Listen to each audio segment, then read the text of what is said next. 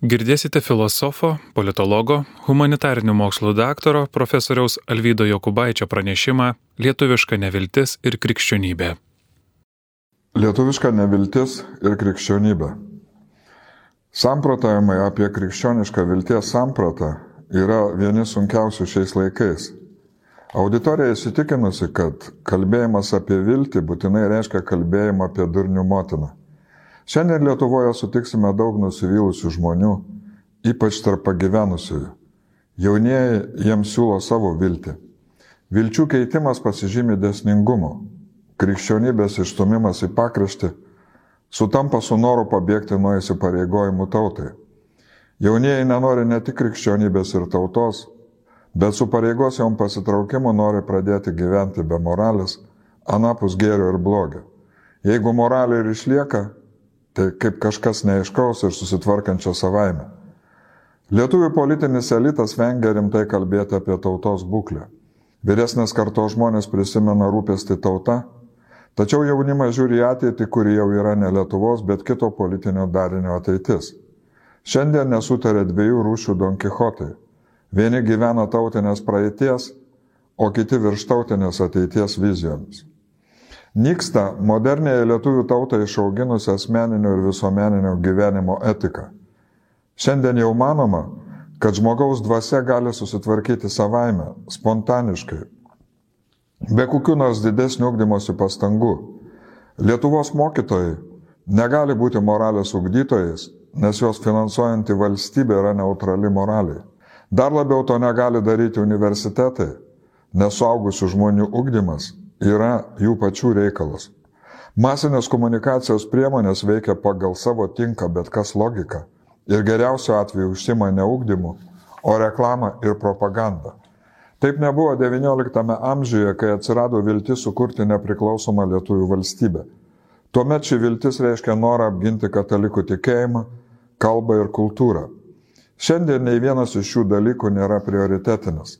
Nebent turizmo industrijai dar rūpi tautos kulinarinis paveldas. 1918 m. Lietuvos valstybė atsirado su kultūrinio ir moralinio atsinaujinimo pažadu.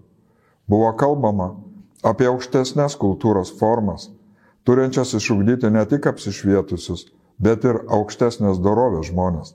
Lietuvos didžioji kunigaikštystė nepateisino ją dėtų vilčių ir buvo sukurta nauja politinė tauta Lietuvių tautinio atgimimo sąjūdžio veikėjo akimis, Lietuvos didžioji kunigaikštystė nuo pat pradžių buvo nesėkmiai pasmerktas sumanimas.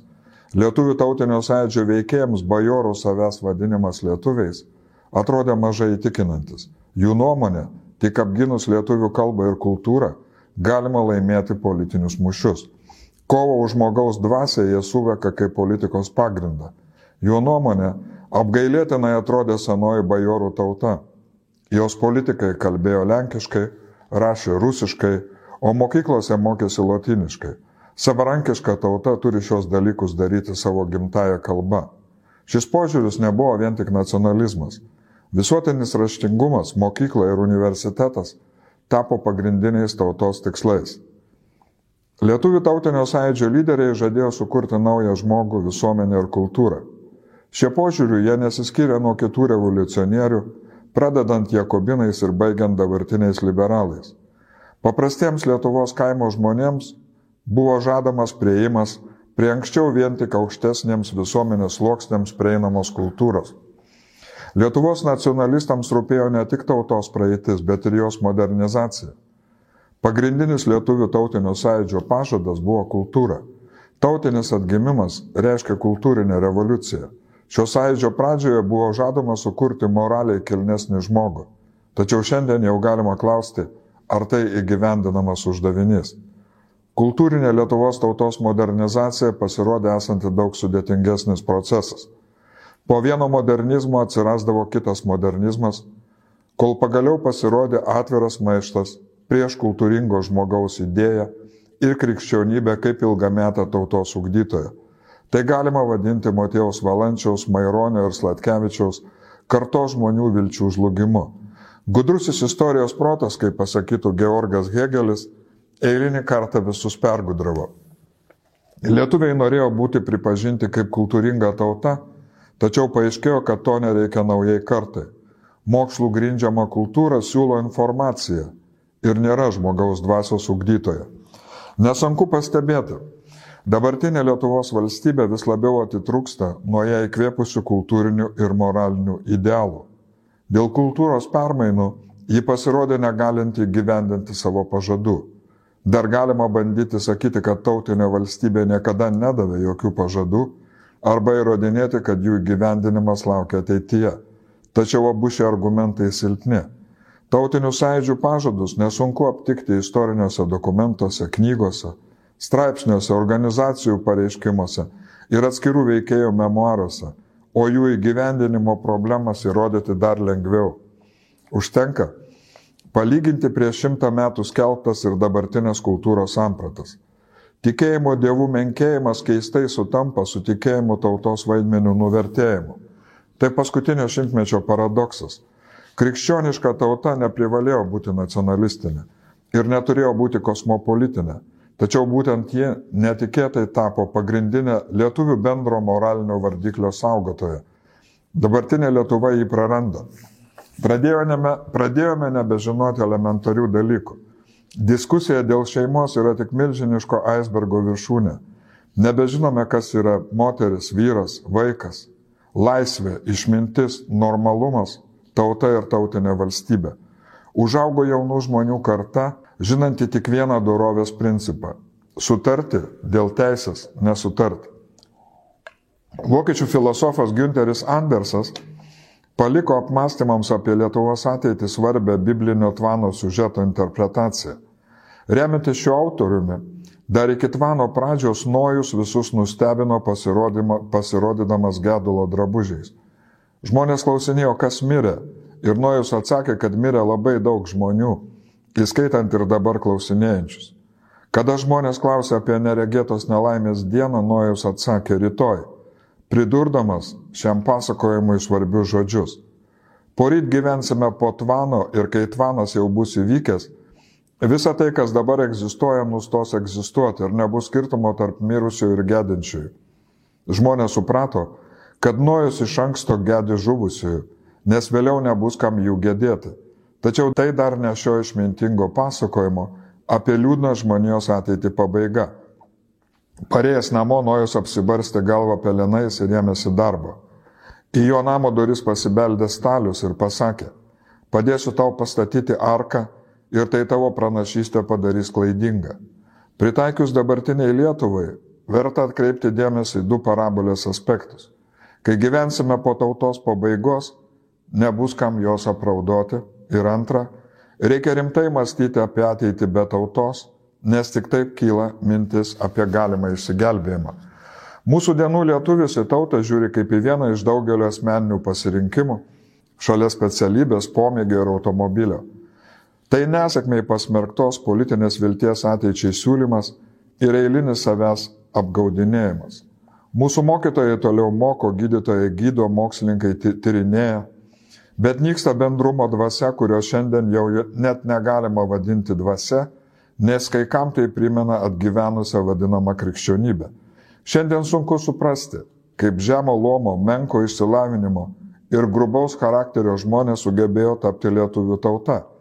Kai dabartiniai Lietuvos politikai kalba apie tautos ateitį, jie mato tik pagerintą dabartį. Tačiau ateitis nėra pagerinta dabartis.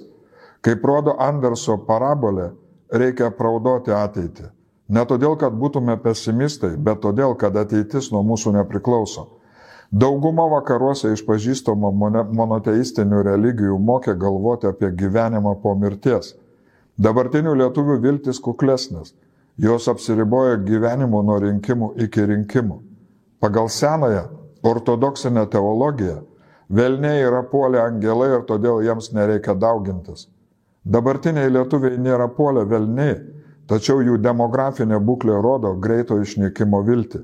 Jie dar turi istorinę praeitį, tačiau palyginus su kai kurių pasaulio regionų demografija neturi ateities. Net ir toldami nuo religinio mąstymo tradicijų, tautiniai sąjūdžiai ilgą laiką toliau mėgdžiojo krikščionišką žmonių sielų pastoraciją. Jeigu lietuviai nebūtų pažinę tikėjimo Dievu ir su to susijusių pareigų, jie tikriausiai nebūtų sukūrę savo tautinės valstybės. Bažnyčia kalbėjo apie žmonių moralės ugdymą ir todėl skirtingų politinių ideologijų atstovai ilgą laiką nedrįso atmesti šio dalyko. Tik sovietiniu ir posovietiniu laikotarpiu išplito įsitikinimas, kad krikščionybė ir tauta prieštarauja viena kitai. Liberalų nuomonė tautinės nepriklausomybės siekis nėra vertas laisvės vardo. Tai laisvė giminiškas dalykas, bet ne laisvė. Tarp liberalų ginamų politinių principų nerasime tautos. Jie nesupranta, kodėl už tautą reikėtų aukotis labiau negu, tarkime, už teisę gyventi nepriklausomai nuo tautos.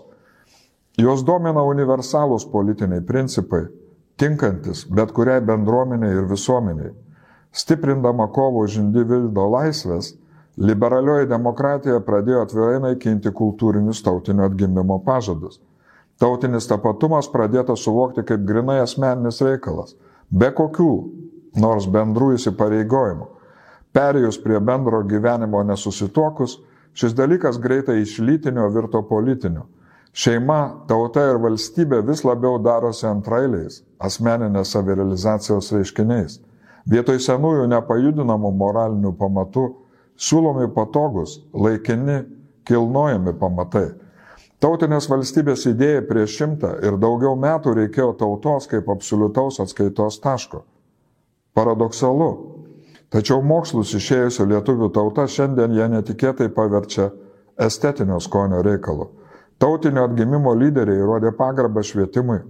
Tačiau sukūrus valstybinę švietimo sistemą paaiškėjo, kad mokyklos ir universitetai nemoka ugdyti tautinės ištikimybės. Paaiškėjo ir kitas netikėtas dalykas. Mokslinis istorijos aiškinimas gali prieštarauti tautos idėjai. Krikščionybė su šia idėja susitaikė lengviau, nes absoliutus principai yra metafizikos ir teologijos, o ne mokslo reikalas. Išsimokslinę lietuviai tautą iš tikėjimo objekto pavertė kažkuo kitu, negu apie ją galvoja jos kuriejai - bendrojo vidaus produktų technikos pažanga ir turizmo industrija. Tautinio atgimimo laikais buvo manoma, kad tauta apibrėžia visas gyvenimo sritis. Dabar vyrauja požiūris, kad ekonomika ir kitos rytis apibrėžia tautą ir pagaliau atvirai pripažįstama, kad svarbi yra ne tauta, o atskirų individų gerovė. Jeigu individas sako, kad prasmingas yra lengvųjų narkotikų vartojimas, kaip cigarečių pakaitalas, Niekas dabar to negali ginčyti, nes tik individas turi teisę nustatyti, kas prasminga, o kas neturi prasmės. Šiandien kaip niekada gerai matosi, kad tautiškumas yra tikėjimo, o ne mokslinio įrodymo dalykas. Mokslų tikinti žmonės nebūtinai tiki Dievu ir tauta. Krikščionis patį tikėjimo reikalą supranta geriau negu ateistai ir agnostikai. Lietuvių perėjimas nuo tikėjimo Dievu prie politinių ideologijų panašus į save pačią ryjančią gyvatę. Nesibaigiantis tautos modernizavimas kažkokiu iki galo nesuprantamu būdu virto tautą eliminuojančią jėgą. Dabartinis Lietuvos istorijos ir kultūros tyrinėjimus valdo noras plėsti žinojimą ir gauti finansinį naujų politinių lūkesčių formuotojų palaikymą. Pradėję nuo lietuvių tautinio tapatumo puoselėjimo, mokslininkai šiandien veikia priešingą tautinės valstybės kritikos kryptimi.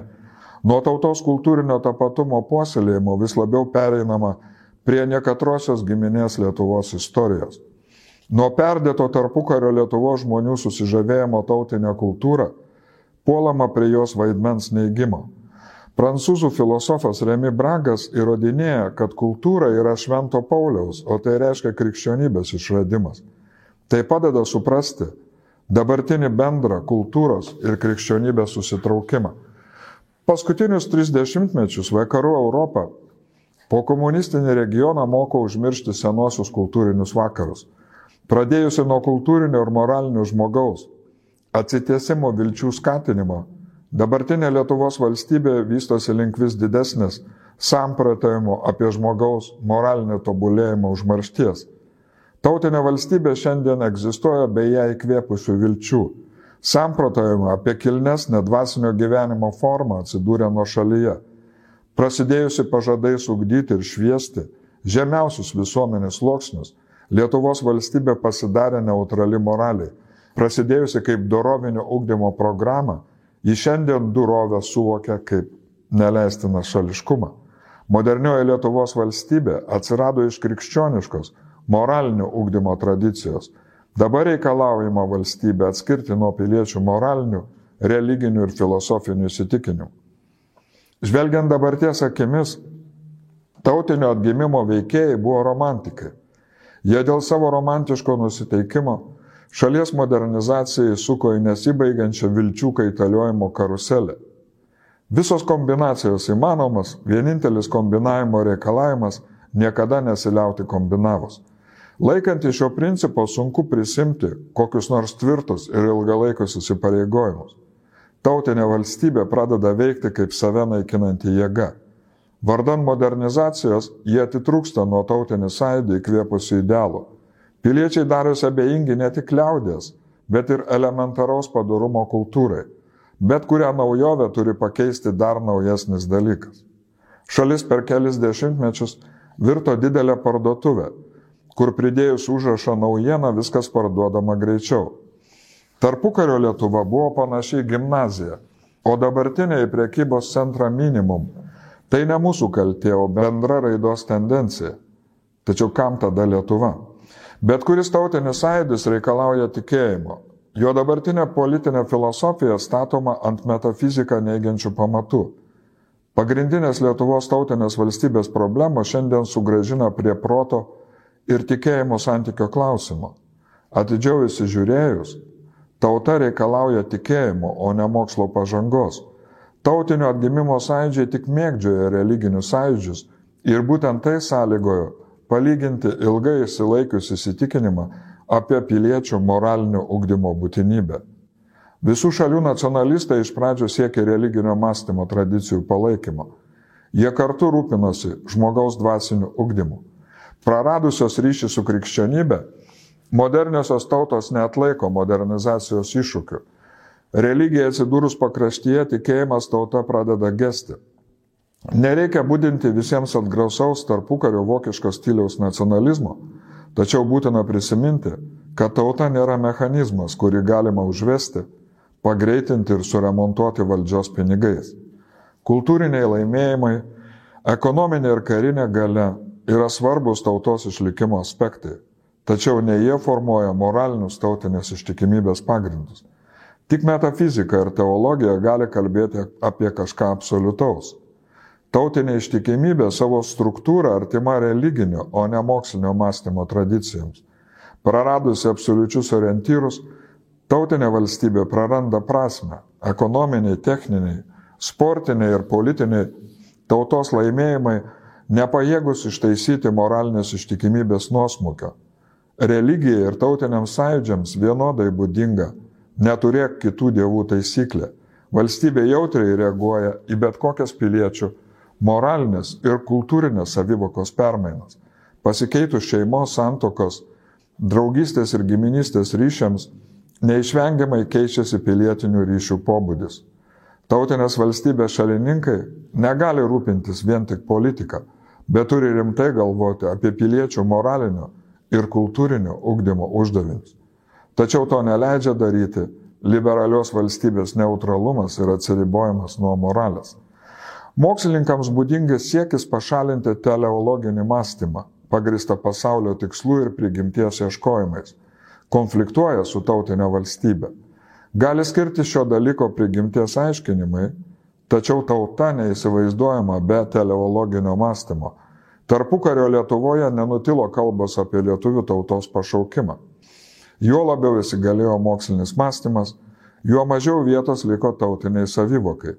Norėdami išlikti tautiniai sąjūdžiai dabar turi formuoti nuo mokslo nepriklausomas moralinio mąstymo salas. Tačiau tai utopija ir neįgyvendinamas pažadas. Mokslas įmontuotas į pačią tautinių sąjūdžių prigimti ir be jo jie negali išlikti. Šiuo atveju ir vėl susidurėme su paradoksu. Tautos ateitis priklauso nuo ją greunančio kultūrinio veiksnio. Tam tikrame tautinių sąjūdžių istorijos etape mokslas pradeda veikti kaip tautą greunantis veiksnys. Friedrichas Nyčia klausė, ar žmogui neįmanoma duoti dviejopų smegenų. Cituoju Nyčia. Tarsi dvi smegenų kameras. Vieną mokslui, o kitą nemokslui priimti.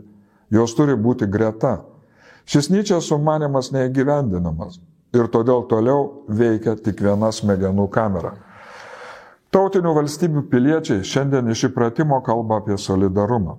Didėja suvokimas, jog tai saviapgaulė ir melas. Kiekvienos tautinės šventės metu kalbama apie bendrystę, tačiau tai tik gražų žodžiai. Tautos bendrumas yra didelė saviapgaulė, kurios įtvirtinimui ministerijos samdo apmokamus viešųjų ryšių specialistus.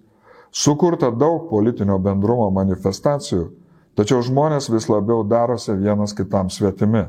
Ne visiškai aišku, nes toliau turi tėvus, brolius ir seseris, tačiau jeigu koks nors darbo kolektyvas dar nesusipjovė, Tai toks pats stebuklas, kaip vyšnios pražydėjimas žiemą.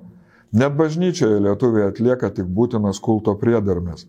Didysis Lietuvos katalikų bažnyčios paradoksas - katalikai turėtų džiaugti savo mažumą, tačiau jie ieško daugumos, tarytum būtų nevyriausybinė organizacija, o ne bendruomenė. Ten, kur kalbama apie viltį, žmogiškas nerimas visada sumišęs su numatomo didelio džiaugsmo laukimu.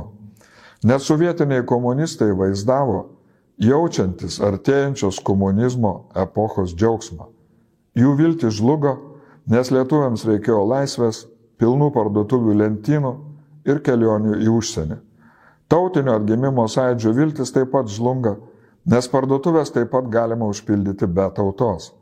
Kiekvienas lietuvis dabar turi savo nuomonę ir viltį. Visiškai nebeaišku, kas yra mūsų visus siejanti viltis.